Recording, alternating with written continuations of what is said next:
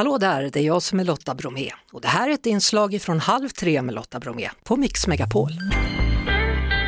Och det är Bo Sundström från Bo Kaspers Orkester som är dagens gäst. Det där var en mellolåt Okej. från Melodifestivalen. Ah. När ska du vara med i Melodifestivalen? En jättebra fråga faktiskt. Eh, Men jag, jag, jag tror jag det, det har kommit apropåer. Men då, det är så mycket jobb kring att vara med i Mellot misstänker vi eh, med Bo Kaspers att, att det blir som det, man får tid till andra saker som egentligen är bättre att vi jobbar med än att vara med Mm. i Mellot. Men inget, inget, alltså det skulle vara spännande att se hur det gick till. Ja, för det är väl inget principbeslut att där ska inte vi vara? Nej, men, eh, men som sagt, jag tror att det är en, ett jäkla jobb och, och att bara få ihop hela apparaten. Eh, bara, trots att det är bara en låt man då ska, Ja, man ska ju göra låten, man ska producera, det ska fixas och då och, så är det ju kläderna. det är också och det, och, det är ju jätteviktigt. ja, det tror jag säkert. Ja. Vad skulle du ha på dig om du gjorde en melodifestival? Ja, det, det har jag faktiskt också, men vi är nästan lite grann har vi varit med om nu, för vi ska vara, vi ska, vi ska vara, vi är första, eh, vad ska jag säga, husbandet, på, i tre veckor ska vi vara med På spåret nu. Och för mig är då spåret, slår just lite högre än vad Mellot gör. Eh, och då var det lite så här, åh vad fasen ska vi ha på oss för kläder, vi kan ju ta samma kläder tre veckor på raken sådär. Eh, så det fick vi ju verkligen tänka igenom, men det blir, ja, jag har, Ja. det, det, vi kommer inte i, i, i latexkläder. Nej, om man och säger inte toppluvefrisyr. Nej, Nej. utan lite proper sådär. Berätta för mig om pandemins betydelse för julmusiken. Ja, jag tror att många fick ganska mycket tid över under pandemin att eh, jobba helt enkelt. Och det var ju alltså under ett och ett halvt år så att det fanns det fanns tid för tanke eh, och, och, och, och arbete också för den delen. Och jag tror också att det fanns, det, det aktualiserade det här med att, att julen är inte bara, ja, när det är som bäst då, då, då kommer alla samman, men det räcker ju med att vara nyskild så, så är, har på något sätt den, den, den omfamningen på något sätt försvunnit från en. Eh, utan ja, men nu firar någon med, med svärföräldrarna söderut någonstans i Skåne och sånt här. Och så är man lite utesluten för det där så får man bjuda in sig med armbågen hos några kompisar för att fira jul. Eh, det, det kan räcka med en sån sak. Så, så, så inser man hur mycket den, den, här, eh, den här helgen betyder. Det kan ju också vara midsommar. eh, Kan man ju vara. Men där är kanske där är det lättare att bjuda in sig hos någon. På en julafton, där bjuder man inte bara in sig. Så, här. så att det där är ju blir ett väldigt laddat ämne eh, med många perspektiv. Så, där. så att det är ganska lätt, jag har då själv suttit och skrivit en jävla massa jullåtar.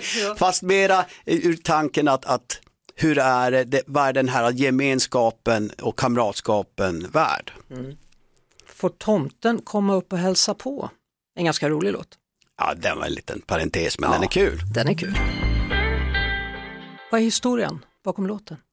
Ja, eh, Ska, ska, får jag berätta ärligt? Eh, handen på hjärtat, jag, jag var uppe på God kväll i Umeå, ni vet det här kaféprogrammet. Och då kvällens gäst var Lasse Lindbom. Och då var jag tvungen att pumpa honom. Kära Lars, du som har skrivit Tänd ett ljus och låt det brinna, är det sådär som i, About the Boy, ni vet den här Nick Hornby-boken, att varje, varje, varje år så kommer det in, dang, säger det kling klong. Och så, alltså för att Eh, För han har skrivit den då med Niklas Strömstedt. Jajamän, säger Lasse. och då tänkte jag, ja, men nu ska jag hem och inte kanske skriva en julhit, men i alla fall skriva en julhit. Nu vart det ju, som jag berättade tidigare, det blev tio och så blev en, en del ganska, eh, ja, lite mer eftertänksamma Ja. direkt. Men förutom att ni är med då i På spåret och, och är husband där i några veckor så är ni också ute på en liten vinterturné, ska man kalla det för det? Ja, kanske bättre än att kalla julturné eftersom vi fortfarande är inne i november. Men jag fick lära mig ett nytt ord, Vilket var det? novent. Novent? Novent.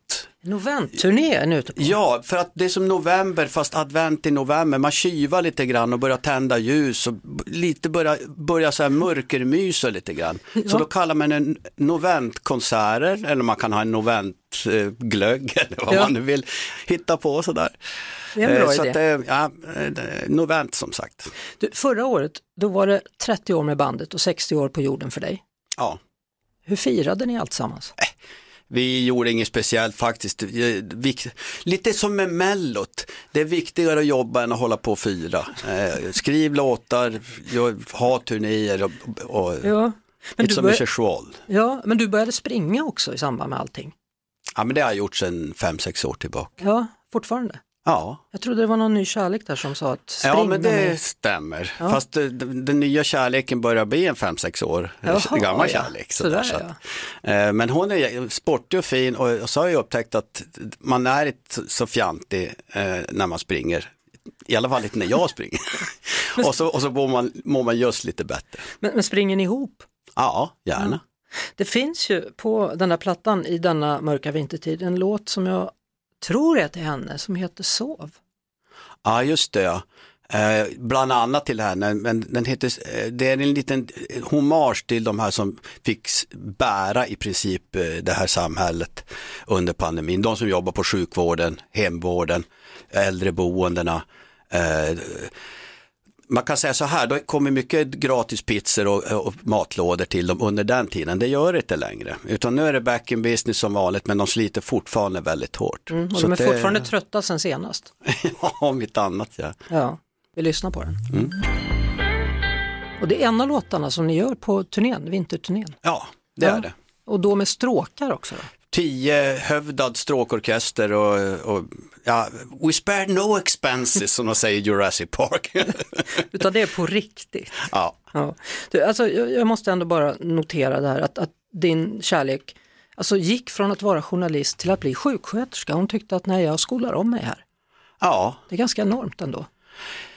Ja, men då har ju också journalistyrket haft en ganska skakig eh, stålbad har det mm. varit, att tidningarna skärs ner, så det har varit ganska, men sen ville hon verkligen eh, innan hon, hon är ju jämngammal med mig, så att innan jag lägger av och jobbar så vill jag ha gjort någonting sådär, så att, eh, vilket hon verkligen gör. Ja, för det är en ganska lång utbildning ändå. Ja, det är tre år. Ja. Så hon kämpade på där? Jajamän, jo då. Och nu är hon en av veteranerna, sa du så? Ja, men det, har du jobbat då på ungefär samma avdelning och samma del av sjukhuset i tre, fyra år, då är du veteran. Ja. För att det är sån omsättning och det är bemanningsföretag och det, mm. det. Får jag snoka en grej bara? Jo det. Är det din ungdomskärlek? Ja, faktiskt.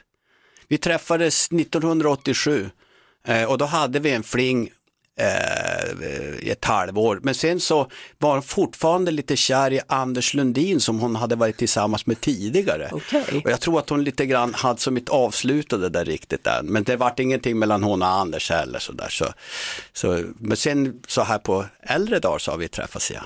Jaha. Det är häftigt ja. att det sitter i då? Eller? Ja, och jag, jag kan nästan säga att jag brädade i slutändan Anders Lundin. Okay. Någonstans. ja. Detta charmtroll. ja, träffade faktiskt honom igår, stötte vi ihop faktiskt på stan. Ja. ja. vi har jobbat tillsammans också, mm -hmm. med, när vi gjorde en show med Bo Kaspers har vi jobbat tillsammans. Mm. Det var det. Vi hörs såklart igen på Mix Megapol varje eftermiddag vid halv tre. Ett poddtips från Podplay.